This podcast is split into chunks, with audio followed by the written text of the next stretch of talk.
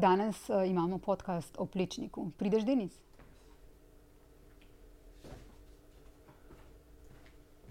Lapa. Hvala. En ena podcast Suzano Lovec. Uh, Dr. Bogo Zupančič, direktor Muzeja za arhitekturo in oblikovanje, uh, in Ana Poro, kustosinja Plečnikove hiše in poznavalka Plečnika. Lepo zdrav obema. Lepo zdrav. Lepo zdrav. Hvala, da ste prišla. Uh, lepo pozdrav tudi vsem gledalkam in gledalcem, poslušalc, poslušalkam in poslušalcem.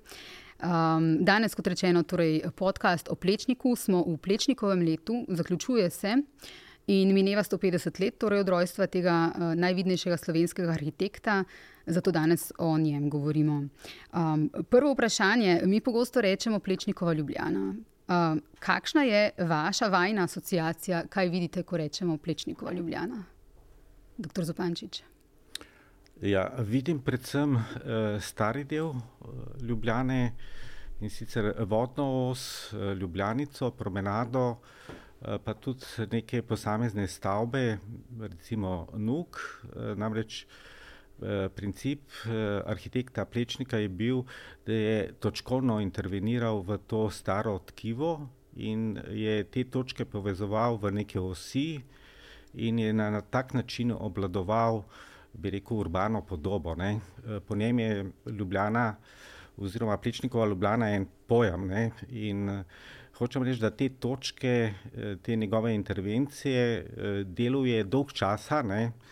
Eh, rečemo 20-30 let na tem območju, na teh projektih in pozna se ta njegov, bi rekel, pristop. Uh mhm. -huh. Gospa Porok, kaj vi vidite, ko rečem Plečnikova Ljubljana? Ja, jaz vidim tudi izhodišče v bistvu pri načrtovanju Ljubljane iz Plečnikove hiše, kjer so se za njegovo risalno mizo v bistvu porajali vsi ti načrti, ki so se potem uh, uresničevali v središču Ljubljane. In res nekako teče, lahko bi rekli, neka simbolična os iz Plečnikove okrogle sobe preko Trnovskega mostu, uh, potem uh, mimo uh, Cojzove, mimo Križank do Vegove in središča mesta tako da uh, se to simbolično res uresničuje. In to je bil res proces, ki je trajal nekaj desetletja. Tako da je tudi zanimivo, da Plečnik to svojo vizijo nadgrajuje uh, tekom let. Uh, in seveda tudi uh, v smislu finančnih zmožnosti mesta, ker vemo, da je moral veliko krat potem uporabljati uh, tudi gradiva, ki jih je v bistvu uh, ponovno uporabljal neka stara gradiva, ali pa tudi si veliko pomagal z zelenjem, z drevesi, uh, z katerimi je potem usmerjal poglede, jih uporabljal delno kot arhitekturno sredstvo. Če se mogoče spomnimo recimo, na te okroglaste javorje, uh, tudi uh, na Vegovi, potem breze. Vemo pa, da je določeno arhitekturo, uh, ki mu ni bila nekako ljuba, ali pa ko je želel usmeriti uh, nek pogled proti osi, recimo delno zakrival z temi visokimi topoli. Da se mhm. pravi, da gre res uh, dolgotrajen proces. Mislim, da je pa prvi poimenoval prav termin uh, Plečnikova Ljubljana, dr. Frances Tele. Uh, tako da je to tudi neko Plečnikovo, seveda, zelo osebno doživljanje Ljubljane. Uh -huh. uh, vemo, da je izjemno pomemben, najvidnejši slovenski arhitekt. Uh, kakšen je, če bi morala strniti vidva v en, v en stavek, v eno poved, kakšen je ta njegov pomen za Slovenijo? V enem stavku. Namreč gre za ja. zelo kompleksno uh, osebnost, um, je sigurno najvidnejši um, in tudi po samem vplivu, uh, kar je s svojimi študenti in sodelavci dosegel, uh, se to tudi nekako odraža v samem prostoru. Ne vem. Ja, um, je tudi uh, zanimivo, da je v bistvu lahko bi rekli kot nek renesančni univerzalni umetnik, homo univerzale, mm. ker se je v bistvu res ukvarjal z vsem. Pri plečniku v bistvu um, nimamo nekakšnega področja, s katerim se ne bi ukvarjal. To se pravi, uh, je arhitekt, uh, urbanist, oblikovalec. oblikovalec, profesor, ukvarjal se je recimo z grafičnim oblikovanjem, s tipografijo, uh, z oblikovanjem malih predmetov, svečnikov, seveda poznamo ta njegov bogat opus sakralnega posodja, ki je zagotovo edinstven na svetu. Um, tako da ja, ta vse stransko, za njega v bistvu ni bilo naloge, s katero se ne bi bilo vredno ukvarjati. Uh -huh. um, vi skrbite, oziroma ste v tej plečnikovi hiši. E, imeli smo tudi lani e, en članek e, o, o tem, kjer je lepo opisano, kaj vse v tej hiši lahko vidimo, uh, nazorno prikazano. Um, kaj pripoveduje njegova hiša v Ljubljani o njem? Ja, tu imamo zelo veliko srečo. Moramo povedati, da seveda je Plečnik živel v tej hiši od leta 1921 do svoje smrti, leta 1957, potem pa gre v bistvu velika zahvala uh, uh, njegovemu nečaku, Karlu Matkoviču, da je to hišo ohranil. V spomin na svojega strica, to se pravi v tem prizitku, ki ga je Plečnik sam oblikoval in opremil, in v katerem je živel. Se po njegovi smrti ni nihče naselil in je nečak prvi začel z urejanjem njegove zapuščine, popisom njegovih načrtov, osebnih predmetov, veliko zbirko lesenih, glinastih, mavčnih modelčkov. Tako da potem je pa na pobudo Staneta Bernika, mestna občina Ljubljana, leta 1972 potem uh, ustanovila v tej hiši arhitekturni muzej Ljubljana. Tako da to je v bistvu tudi um, najna skupna uh, zgodovina, zgodovina arhitekturnega muzeja, iz katere potem izhaja tudi muzej za arhitekturo in oblikovanje. Um, Je bil ustanovljen v Plečnikovi hiši in je seveda še vedno uh, ohranila no, ta osebni, v bistvu uh, nekakšnih plečnikov, uh, svet, svet uh, v katerem se je sam obdal uh, z um, temi svojimi uh, stvaritvami, knjigami, tukaj se je počutil varnega in tukaj je ustvarjal. Uh, tako da je pa Plečnik to svojo hišo sam poimenoval tudi poskusna topla greda, uh mhm. -huh ker je v njej veliko uh, materijalov preizkušal v manjšem merilu, uh, veliko teh arhitekturnih poskusov. Uh, je potem v hiši tudi ohranjenih, in potem, če so se izkazali, jih je uporabljal. Ohranjenih pa tudi uh, izjemno veliko njegovih stvari, uh, od pohodnih čevljev Tako, je... Brez vezalk, če se prav spomnim. Tako, to so ti znameniti štefletni eh, čevlji, eh, zelo trpežni, v bistvu nekakšni gležnari, tudi v današnjem času zelo moderni. Mhm. Tako da, ker plečnik je bil tudi res uh, strasten pešec mhm. ja, in je izredno nosil te čevlje. Tako da uh, njegov znameniti, seveda, klobuk, potem uh, črni plašta, črna delovna halja, ki jo je imel. Veliko je osebnih predmetov, eh, fotografij, pisem, eh, seveda načrtov, uresničenih in neuresničenih. Eh, tako da celotna zbirka nekako obsega 17.500 predmetov, kar je res izjemno. Tako da to je velika sreča, da se je ohranilo. Če jaz interveniram, ja. bi povedal, mm -hmm. da je to zmotno mnenje, da je vse v plečnikovi hiši. E, namreč zelo veliko predmetov je tudi druge pri mm -hmm. zasebnikih, pri sorodnikih e, plečnikovih študentov. E, potem v našem muzeju ne, hranimo arhive e, plečnikovih študentov in študentk. In moram reči, da se v teh arhivih najde izredno veliko skic gradiva, povezanega s plečnikom. Eh, tako da eh, uh -huh. eh, je prav ta naša razstava, zdaj zadnja, tista, ki eh, pravzaprav kaže to bogatstvo, ki se je zdaj nakopičilo v zadnjih desetih letih. In uh, mislim, da je to tudi uh -huh. eno odkritje. Uh, moramo biti pa nedvomno uh, povezani, ker eh, so ti podatki takšni, da si z znanjem in vedenjem o plečniku eh, lahko izmenjamo ne samo te predmete za razstave, ampak tudi mišljenje, da pridemo do nekih spoznanj. Uh -huh. uh, ta teden je bila otvorjena torej razstava v Mautu, v Muzeju za arhitekturo. Uh, in kustos, eden od kustosov te razstave, dr. Miloš Kosec, je uh, na otvoritvi poudaril, da je čas, če, če ga povzamem tako um, brez citata, da se premaknemo o, od zgodb in osebnosti nazaj k delom in da naj dela govorijo, da dela govorijo v bistvu o človeku. Um, tako da, kje je preko del, recimo, to vizionarstvo plečnika, o katerem tako radi govorimo? Uh, plečnikov pristop je bil specifičen, namreč on je vse stvari delal variantno v obliki nekih inačic. Uh -huh. uh, on se je pravzaprav uh, mučil z nekim uh, urbanim ali pa drugačnim uh, problemom, in uh, ko je naredil tok in tok skic. Eh, je razmišljal, katera je najboljša, katera je najlepša, in to metodo dela je tudi prenašal na študente. Eh, skratka, od njih je zahteval, da se ne zadovoljijo s prvo narisano podobo na papirju. Eh, namreč, doskrat je prisoten ta uh, ego ustvarjalca ali arhitekta, zdaj sem pa nekaj ustvaril, to je najboljše, no, noben ne sme tega spremeniti. Ne? In že sam Plečnik je to spremenil sam pri sebi in prišel do enih takih, bi rekel, temeljnih spoznanj. In, uh, To, to govori o neki kvaliteti, ne, ki iz tega uh, raste. Dan danes poznamo uh, recimo inštitut natečaja, tam se pa primerjajo različne stvari različnih arhitektov.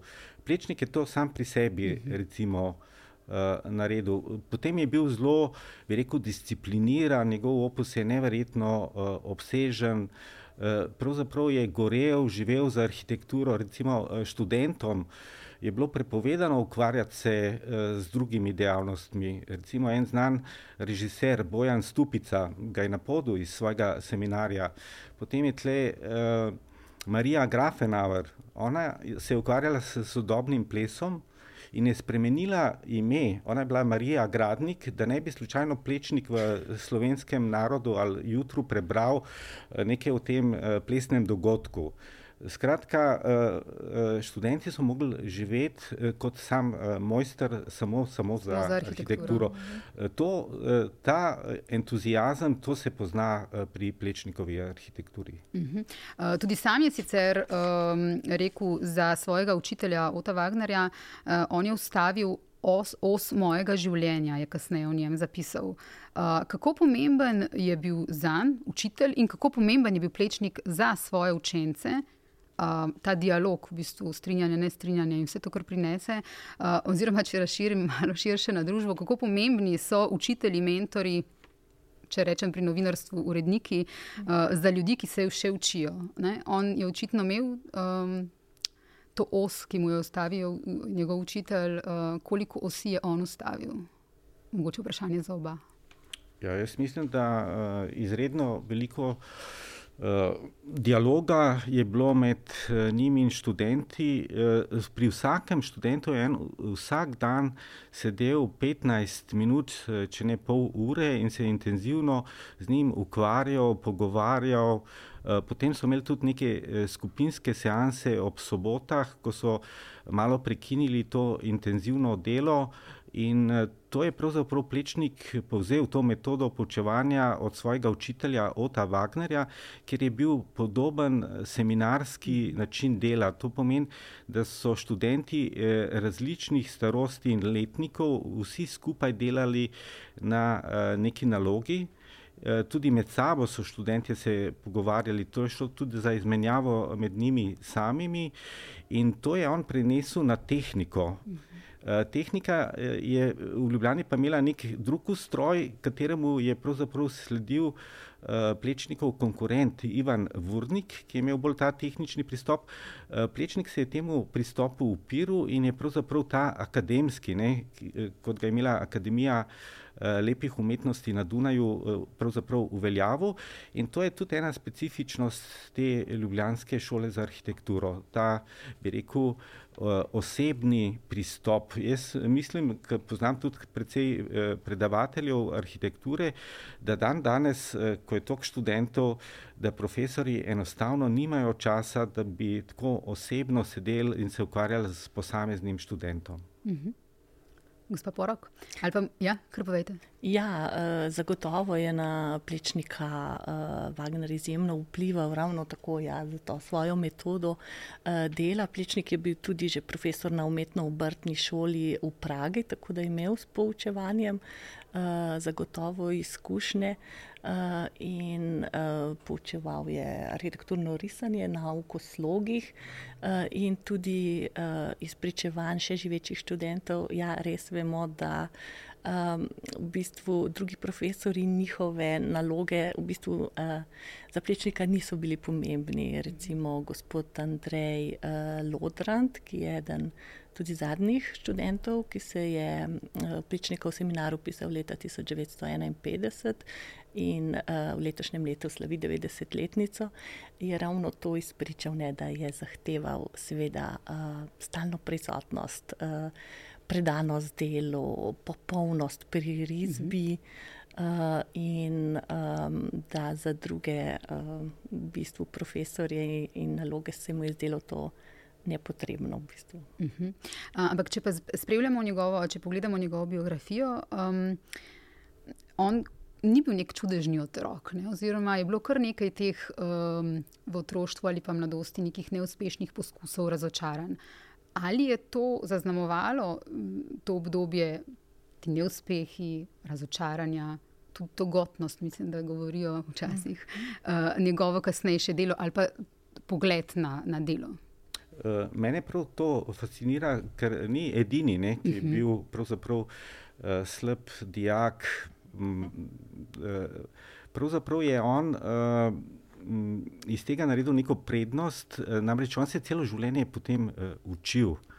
Uh, jaz sem nekje celo prebral, da se je hotel angliško uh, učiti, ker je imel neke kontakte z ameriškimi uh, kolegi. Uh, ta potreba po napredovanju, učenju je pri plečniku neverjetno prisotna. Uh, je pa to zanimivo, ne, da je učil to, kar je dobro poznal, kar je vedel. In to je bil en, eh, bi rekel, svojsten svet. Recimo to, kar so takrat eh, moderni arhitekti razvijali, kot je recimo Le Corbusier, pa šola Bauhaus, ne, eh, to pa je plečnik odklanjal, čež da je hladno, nekam preprosto. Plečnik je bolj učil, bi rekel, neko sofisticirano, klasično, tradicionalno arhitekturo, v katero pa je prepletel neke sodobne elemente, tudi imel dosti dobro knjižnico, tako da je bil informiran, uh, kaj dogaja na Bližnjem vzhodu, Daljnem vzhodu, v Ameriki in tako naprej. In je vse te stvari, bi rekel, uh, nekako sintetiziral in glede na, na določeno nalogo, uh, določeno mero. Lokalnega ustavil, mednarodnega, univerzalnega, skratka, eh, v tem kombiniranju je bil specifičen in od naloge do naloge drugačen. Uh -huh. uh, pa tudi lahko rečemo, mogoče uh, tako lajično, ne, če pogledamo ja. plečnikova dela, uh, je to nekaj, kar bi zdaj poimenovali trajnostna arhitektura, z uporabo vseh teh um, materijalov. Ne, če bi plečnik zdaj ustvaril, bi verjetno. Ga prodajali pod um, oznako trajnostno. ja, jaz, jaz se strinjam. Ne, uh, Poudaril bi to, da je Plečnik, uh, ker je živel v tistem času, ko ni bilo toliko denarja na pretek, kot ga je danes, in uh, tudi ni bilo možno graditi novih stavb, in je vedno uporabljal stare materijale, tudi obstoječe strukture, recimo kot je v Ljubljani rimski zid. On ga je samo malo predelal, tako da so te posegi bili relativno poceni. Uh, Eh, učinki so bili pa veliki ne? in to je ena velika prednost. Eh, skratka, eh, prenove so dan danes zelo trajnostne, ne pa novogradnje. In uh, lahko rečemo, da je Plečnik uh, veliko prenavljal uh, tako javne prostore, ulice, uh, so pa tudi izjeme. Uh, konc koncev imamo Nuk, ki je uh, novogradnja, tudi uh, slovenski parlament, uh, katedralo Svobode, si je zamislil. Uh, ampak to so konec koncev tudi uh, pomembni objekti nacionalne identitete, in prav je, da vsako obdobje tudi uh, konec koncev kaj novega uh, pokaže, zgradine. Uh -huh. Ja, mogoče res ta uporaba tudi lokalnih materijalov, da je vedno gledal uh, na tisto okolje, v katerem je gradil. Uh, ne vem, tudi ko smo govorili o prenovah, uh, je upeljal recimo um, pri sakralnem prostoru neke zelo zanimive prenove, da je v bistvu vključeval staro crkveno osnovo v novo crkvo, recimo pri Bogojini. Bogojini ja. Je to en izjemen primer, ne, kako ohranjati tudi v bistvu to staro. Um, Pa potem povečava crkve za potrebe nove skupnosti. Uh, tam recimo tudi okrasi strop z lokalnimi lončarskimi izdelki, tako da je v bistvu uh, še bolj tudi ta sakralni prostor povezan z krajem in lokalno skupnostjo, kar je po moje tudi dan danes neka taka zasnova zanimiva. Uh -huh. Jaz bi mogoče upozoril na to, ja. da danes živimo v čist drugem svetu, uh -huh. da smo s to produkcijo, s tem predmetnim svetom, ki je okoli nas, prisiljeni, da nekaj kupujemo in takoj zavržemo kot neke odpadke, smeti, oblačila in tako naprej. Uh, ko je plečnik živel, se je pa v bistvu uh, vedno nekaj starega, uh, skratka nekaj, nekaj novega se je vključilo v, že, v staro in s tem se je tudi nek spomin ohranil skozi uh, daljše obdobje.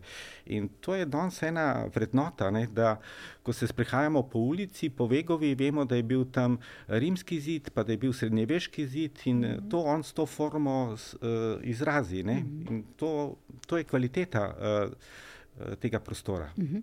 uh, Veliko krat rečemo ali pa preberemo, da je on oblikoval eh, mesto po meri človeka. Kaj to pomeni in kako se to kaže na Dunaju, v Pragi in Ljubljani? Mesto po meri človeka. Ja, jaz mislim, da se je različno. Ne? V Pragi je pravzaprav delal uh, Praški grad kot rezidenco čehoslovaškega predsednika Tomasa Gerika Masarika. Uh -huh. Uh, tam govoriti zdaj o nekem uh, človeškem merilu je težko, uh, ampak uh, lahko bolj govorimo o demokratizaciji uh, prostorov. Ne?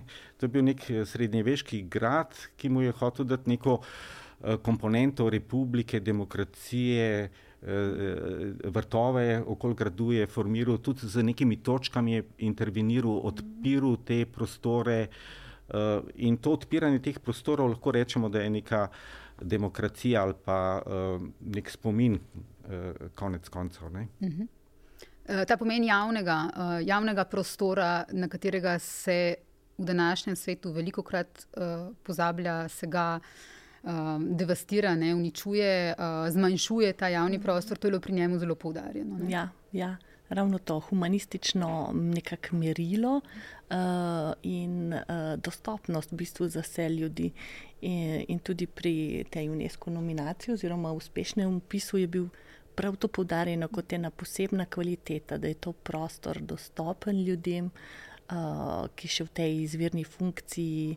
Uh, je še vedno v uporabi, recimo tako kot so tržnice, eh, tako kot so crkve, tako kot so urejena na brežja, mostovi na Ljubljanici, eh, ne na zadnje tudi žale. Um, tako da to je prepoznano kot neka izjemnost. In ena od njegovih stvaritev, ali pa celo dve, uh, Plečnikov stadion, žalostno propada, ne samo to, v bistvu zaprtje ne, za javnost. Uh, kako vidva mislite, da bi um, morala biti nadaljna pot Plečnikovega stadiona? Kakšna bi morala biti? Ja, jaz sem na strani vseh teh aktivistov, ne, ki pravijo, da bi ta stadion moral biti odprt za javnost. Vem, eh, če poznate stadion Jurija Zaninoviča v Gorici iz začetka 20. stoletja, takrat je bil narejen in ta stadion je pravzaprav isti. Na vrhu je neka kavarna, kjer starši gledajo, kako otroci igrajo spodaj nogomet. Uh, stadion je uh, dokument uh, časa, sredi Gorice. In mene prav preseneča, uh, kako so se ti lastniki, upravljalci stadiona odločili za tako nespametno potezo, ob dejstvu, da smo zgradili nov stadion v Ljubljani, da vemo, da tok navijačev konc koncev ni in da dubliramo, skratka smo zelo potratni, bi rekel, ali pa da imamo preveč denarja, pa ne vemo kam z njim, da smo se odločili za to varianto, da se tam razvija še en objekt. Tako da sem absolutno na strani teh aktivistov, uh, po drugi strani pa se je ta zgodba zdaj precej zakomplicirala ne, z lasništvom, uh, odkupom teh prostorov, ali bo to zdaj država odkupila, tega denarja ni. E, tako da je to ena uganka, ki ne vem, kako se bo razpletla, držim pa seveda pesti, da se to odpre javnosti. Mm -hmm, da bi bilo uh, urejeno v plečnikovem duhu. Uh, ne, verjetno mu uh, ta način, kot zdaj gledamo, kaj se dogaja za stadion, uh, nikakor ne bi bil všeč. Ne, ne to nikakor ni uh, včasih niti mestu. Pač stadion je zavarovan, ne kot ja. spomenik državnega pomena in je absolutno potrebno poskrbeti za njega. In seveda najlepše bi bilo, da je odprt za javnost, za neke mogoče manjše kulturne, rekreativne uh, aktivnosti, ki jih uh, mesto potrebuje. Tako da zagotovo bi se našla neka. Um, Uporabnost uh mhm. -huh. za današnji čas. Kaj pa še bi mogoče plečnika motilo pri današnji Ljubljani? Če pogledate na Ljubljano s plečnikovi očmi, bi imel kakšne pripombe, kje bi jih imel? Hm. Zagotovo mogoče kakšne uh, precej monumentalne gradnje v središču mesta, ki mogoče nimajo ravno uh, tega človeškega merila. No. Če mogoče um, se spomnimo na šumi, uh mhm. -huh. mene ta uh mhm. -huh. pogled, uh, nekako, uh, če pogledamo od Cankarjevega doma proti gradu, uh, je to kar en ogromen, kolosalen uh, zid. Uh mhm. -huh. Uh, bolj spoštovanje res uh, starejšega in nekako, seveda, za sodobno arhitekturo, nadgrajevanje, ampak da je medsebojna neka komunikacija. Mislim, da je naplečnik uh, tu zelo pazivno. Uh -huh. Uh, plečnik je s svojimi osmi povezoval nekaj točke v prostoru. Jaz mislim, da je razvoj Ljubljane šel preveč v neko razpršenost, kjer posamezniki, ki imajo denar, eh, gradijo po neki svoji logiki, v želji, da bi čim več profita eh, dobili. Eh, recimo tudi primer Rožne doline, kjer se rušijo te stare ljubljanske vile iz 20-30 let, se spremenjajo v vile bloke. Mm. Ne vem, če bi bilo to uh, plečniku všeč, ker se po eni strani izgublja spomin, po drugi strani pa vidim, da ni te povezanosti med uh, objekti. Ne vem, jaz si želim, da bi uh, konec koncev neko uh, javno avenijo ustvarjali z kakšnim sodobnim tramvajem in ob tej aveniji, recimo, da bi imeli. Uh, novogradnje, vidim pa, da te novogradnje nastajajo tako spontano, neorganizirano, kjer pač je nek velik interes. Uh, mislim, da Plečnik s to uh, današnjo situacijo ne bi bil preveč zadovoljen. In tudi, verjetno, če pogledamo ta eh, trg nepremičnin ali pa to, kar vidimo recimo v oglasih, uh, moji kolegi tukaj na Enena večkrat pišejo o tem, kaj, kaj vse ljudje prodajajo, kaj vse dajo v najem. Mm. Mislim, da ste vi enkrat rekli v našem članku, uh, da je uh, imel visoka etična načela, načela pri teh starih in da je v bistvu študentom uh, vedno zabičal, če bo vaš naročnik hotel služkinjo spraviti v neko vlažno klet brez okn, tega ne boste naredili manjka te, te etike, verjetno uh, pri lastnikih nepremičnin. Ja, sigurno je manjka. Ja, očitno je prevladal res samo ta strogi. Uh, ne, Um, finančni učinek, uh -huh. no, mhm. nažalost. Kaj pa, če, če se malce ozremo k plečnikovim uh, neuresničenim projektom? Katere bi, recimo, vi, izpo, vi izpostavili? Ja, jaz bi sigurno katedralo uh -huh. uh, -huh. katedralo ne, svobode. Uh -huh. To je slovenski parlament, ki je v bistvu zastal, ker v tistem času. Zdaj ne vem, koliko poslušalci, gledalci vejo, ne, eh, je, bil, je bila ta afera uh, Inform Biroja in uh, politična, uh, bi rekel, pozornost se je preusmerila na politiko. Slovenci smo bili pa pravzaprav prvi v tedajni socialistični Jugoslaviji, ki smo ogradili nacionalni parlament. In to je šlo marsikomu malo v nos in zaradi te politične afere Inform Biro se je pravzaprav kar pozabilo na vse skupaj. Po drugi strani pa je Plečnik, to je tle prav v bližini vaše hiše, ker smo zdaj, planiral, da bi se železnica poglobila. Uh -huh. Skratka, to je bil en tak velik projekt in to leta 1947, ko je bila ta prenova v teku. Porušene Ljubljane, in to je bil velik finančni zalogaj, zato je recimo ta projekt padel. Če bi pa ta projekt zgradili, pa jaz mislim, da bi bili Slovenci svetovno prepoznani. Ne? To je sigurno en tak, bi rekel, projekt, za katerega nam je lahko resnično žal. Kam bi ga postavili? Uh, ja, uh, arhitekti ponujajo več ja. lokacij. Uh, jaz mislim, da ta uh, načrtovana v Tivoliju, v osi Šubičeve, ne, kjer lahko pogledamo, ne, uh, imamo Ljubljanski grad, uh, Rotovš, potem je Kazina, ki je bilo središče uh, Nemcev, ki so nekoč mhm. tukaj bili. Uh, Eh, potem imamo mladiko, ker je danes uh, zunanje ministrstvo. Skratka, to je uh, o, politična os in jaz mislim, da je logično, da bi to stalo v osi Šubičeve ulice, uh mhm. -huh. v Tivoliju.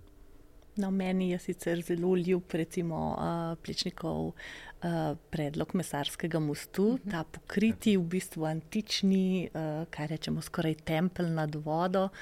Uh, ki bi ga tudi no, uporabljali lahko za kakšne um, delno tržnico, delno kulturne dogodke.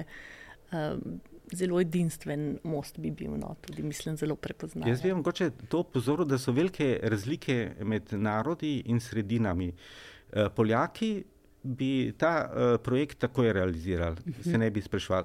V Sloveniji imamo pa toliko enih arhitektov, da češ uh, je toliko časa preteklo in da morajo zdaj mladi arhitekti na sodoben način z uh, drugimi sredstvi nekaj podobnega zgraditi. In uh, moram reči, da uh, to vnaša nek nemir in uh, Čas teče, mi tega nismo zgradili, tako da je velik, veliko vprašanje, ne? Ali je to pri nas uresničljivo. Katedrala svobode. Ja, da. Uh -huh. um, kaj so pa mogoče največje zmote ali pa napačne predstave, ki jih imamo mi ali pa javnost, lajki uh, o plečniku? Kaj so stvari, ki bi jih recimo javnosti povedali o plečniku, pa da jih javnost redko sliši? Hmm. Hmm. Uh, mogoče to ne. Uh, Plečnikovi načrti, on se je zelo mučil, risal in naredil dober načrt. Uh, In uh, moram reči, uh, niso vsi projekti narejeni po načrti, plečnik je na koncu vedno še kaj dodal, spremenjal. Uh, meni se zdi to zelo pomembno.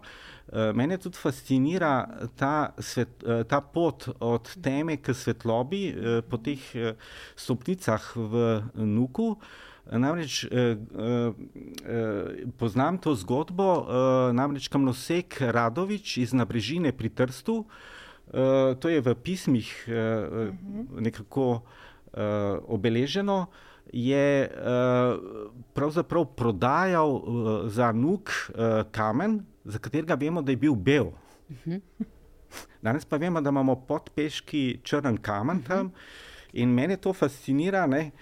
Uh, ker je ta črn kamen uh, ustvaril neko drugo atmosfero, in mene recimo fascinira, kdo si je izmislil, da je to pot iz teme proti svetlobi, ker s tem stavkom uh, je to stavbo naredil uh, najverjetno interesantno, uh, konceptualno zanimivo. Uh, kajti, če, uh, nekako logično je bilo pričakovati, uh, da je to stopnišče svetlo. Uh mhm. -huh.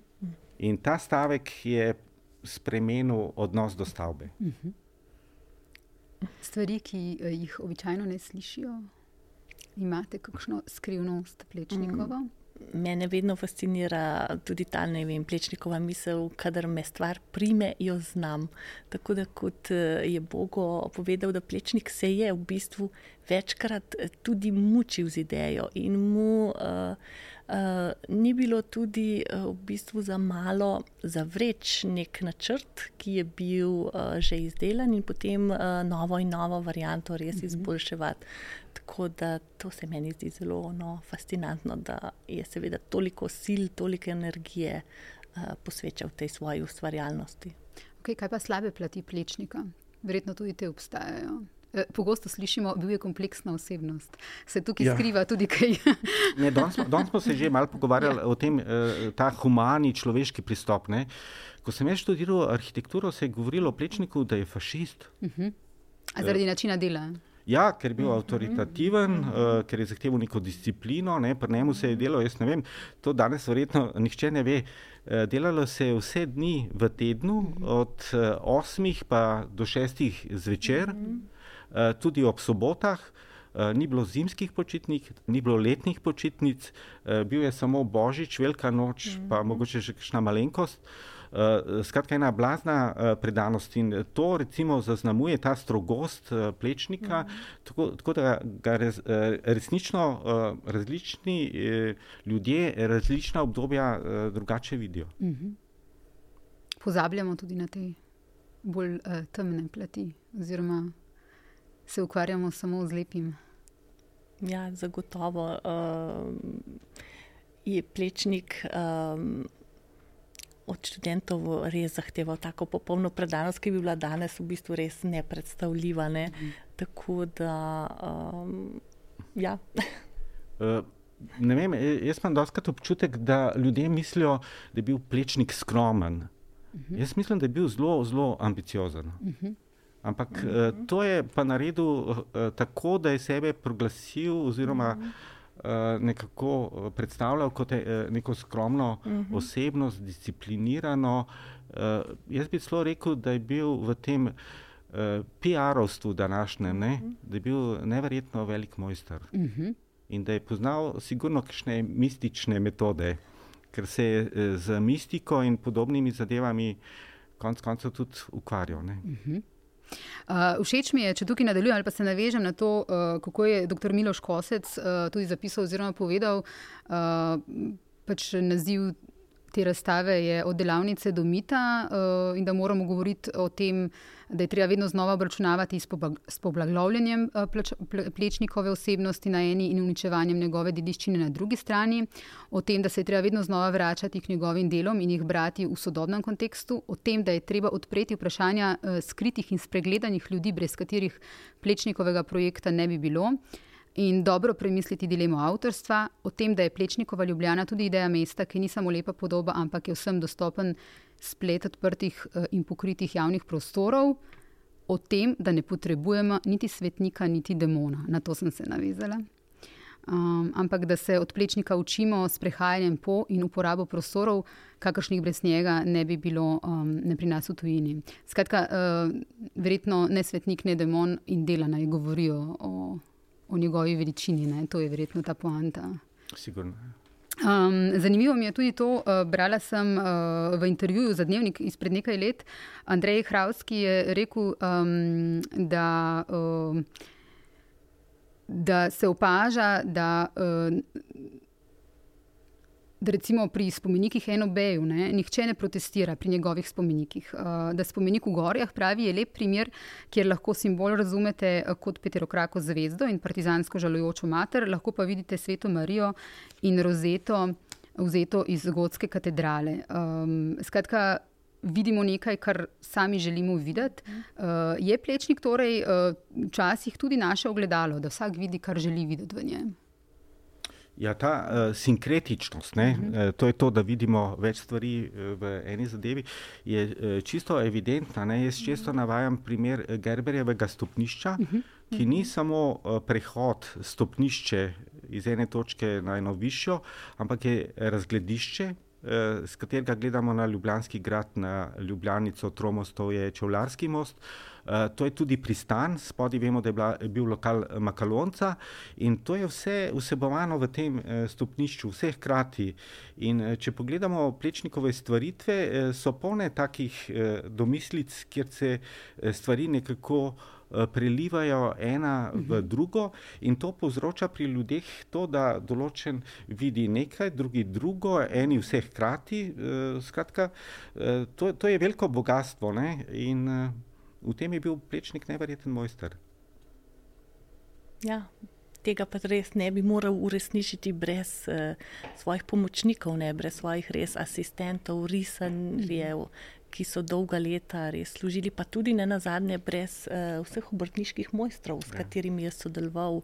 Uh, moramo, uh, kot smo že omenili, ne, večkrat se je moral res uh, prilagajati tem, tem finančnim zmožnostim, ki jih je imel naročnik.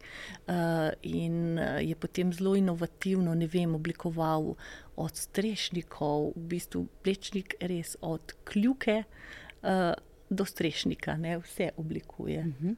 uh, je pa v Ljubljani veliko vseh teh stvari, ki ste jih, uh, ki ste jih naštevali, je veliko naredil uh, skoraj brezplačno. Zakaj?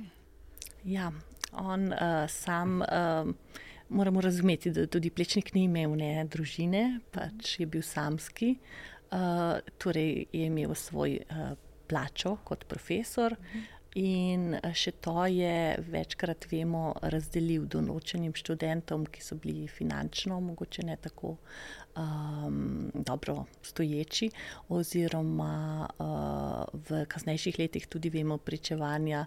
Uh, Ravno od gospoda Andreja Lodranta, da mu je rekel, ker mu je toliko pomagal z temi poznejšimi deli, recimo za Brione, da si je kar delil plačo z njim, tako da mu je kar vsak teden potisnil v žep kuverto z denarjem, nekako polovico njegove plače. Plečnik je trdil, da je že plačan kot univerzitetni mhm. profesor mhm. in ni hotel sprejemati dodatnega ja. plačila. Vendar eh, to, da ni sprejemal eh, plačila, se je dosti krat eh, obrestovalo. Mhm. Vsi plečnikovi študenti, ki so zaprosili za štipendijo francoske vlade, da bi šli študirati v Pariz, so jo dobili. Dobili so jo pa zato, ker je plečnik za kralja Aleksandra projektiral določene stavbe na Bledu v Kamniški bistrici in s tem, ker ni hotel uh, plačila, so belgrajske oblasti tem študentom namenile štipendijo in se na nek drug način odožile. Ne? Skratka, ni bilo vse v denarju, ampak v te izmenjavi. Ne? In ta izmenjava je ne, prisotna, vsekakor. Uh -huh. uh, če gremo korak naprej, uh, v sodobnost. Kdo so po vašem mnenju sodobni plečniki? Uh, jaz vidim sodobne plečnike pravzaprav v mlajši generaciji, ki se ukvarja s temi eh, fenomeni v prostoru, ki so povezani s podnebnimi spremembami, eh, s to trajnostjo, ki je tako aktualna dan danes, ki se ukvarjajo s prenovami, z novimi eh, materijali, eh, butana, glina in eh, podobne zadeve, eh, ki so nekako globalno, pa tudi lokalno usmerjeni. In mislim, da je kar lepo število eh, birojev. Eh, to je tudi zanimivo, da so to biroji, ki povezujejo ljudi, da so to skupine. Uh, tako kot je plečnik imel sodelavce, pa en cel organizem za sabo, uh, Uh, moram uh, reči, da je tle prisoten en tak skupinski duh te eh, mlade generacije in uh, jaz upam, da bojo te metode dela pa kompozicijo Uh, kar jaz tudi opažam pri eh, svetovno znanih arhitektih, da uh, pravzaprav razmišljajo podobno kot je Plečnik v 20 in 30, da bodo tudi to naši eh, mlajši arhitekti lansirali ne samo v domačem okolju, ampak, okolju, ampak tudi v svetu. Vemo pa, da so zelo uspešni. Uh mhm. -huh. Gospa Porok. Ja, Sodobni plečniki. Se strinjam, da imamo verjetno ravno v mladih arhitektih kar velik potencial, uh mhm. -huh. ravno z tem spoštovanjem oziroma razumevanjem tradicije, ampak za uporabo sodobnih materijalov, uh, gradiv. Um, tako da se ne bojim uh, za našo prihodnost. Uh mhm. -huh bi morali tudi tem uh, ljudem, uh, ki poznajo pomen javnega ali pa javnega prostora, ki velik, uh, veliko dajo na to, bolj zaupati, verjetno urejanje mest. Ste prej izpostavili uh, slabe točke. Uh, kjer v bistvu le denar šteje, oziroma kako vznikajo te hiše, ponavadi še uh, zaprte, novogradnje, pre, se vedno bolj zapirajo, ne, te bogataške sosedske, uh, pred zunanjo javnostjo. Ne, to, kar smo rekli, da verjetno plečniku ne bi bilo všeč. Um, Hvala lepa. Ne, za konec mogoče še, še tole. Um, če bi morala uh, izbrati, če bi morali izbrati uh, eno plečnikovo delo, ki ga najbolj reprezentira, najbolj pooseblja, kaj bi to bilo? Jaz uh, niham med Tromostovjem in uh, Narodno univerzitetno knjižnico. Uh mhm. -huh. Jaz bi pa izbrala kar plečnikovo hišo, ker je ta njegov osebni uh, svet no, najbolj nekako predstavljen. Okay, najlepša hvala obima, da ste bila gosta v enem podkastu. Uh, hvala tudi vsem gledalcem in gledalkam, poslušalcem in poslušalkam. Uh, vlada je pred dnevi razglasila le, naslednje leto za um, ravnikarjevo leto. Uh, Slovenija se bo torej poklonila njemu in njegovemu delu. Naj bo to leto, leto 23, lepo tudi za vas in vas in za vse nas. Eh, hvala še enkrat za obisk na podkastu in eh, gledalci, poslušalci, eh, gledalke, poslušalke. Spet se kmalo vidimo in slišimo. Hvala za povabilo. Hvala.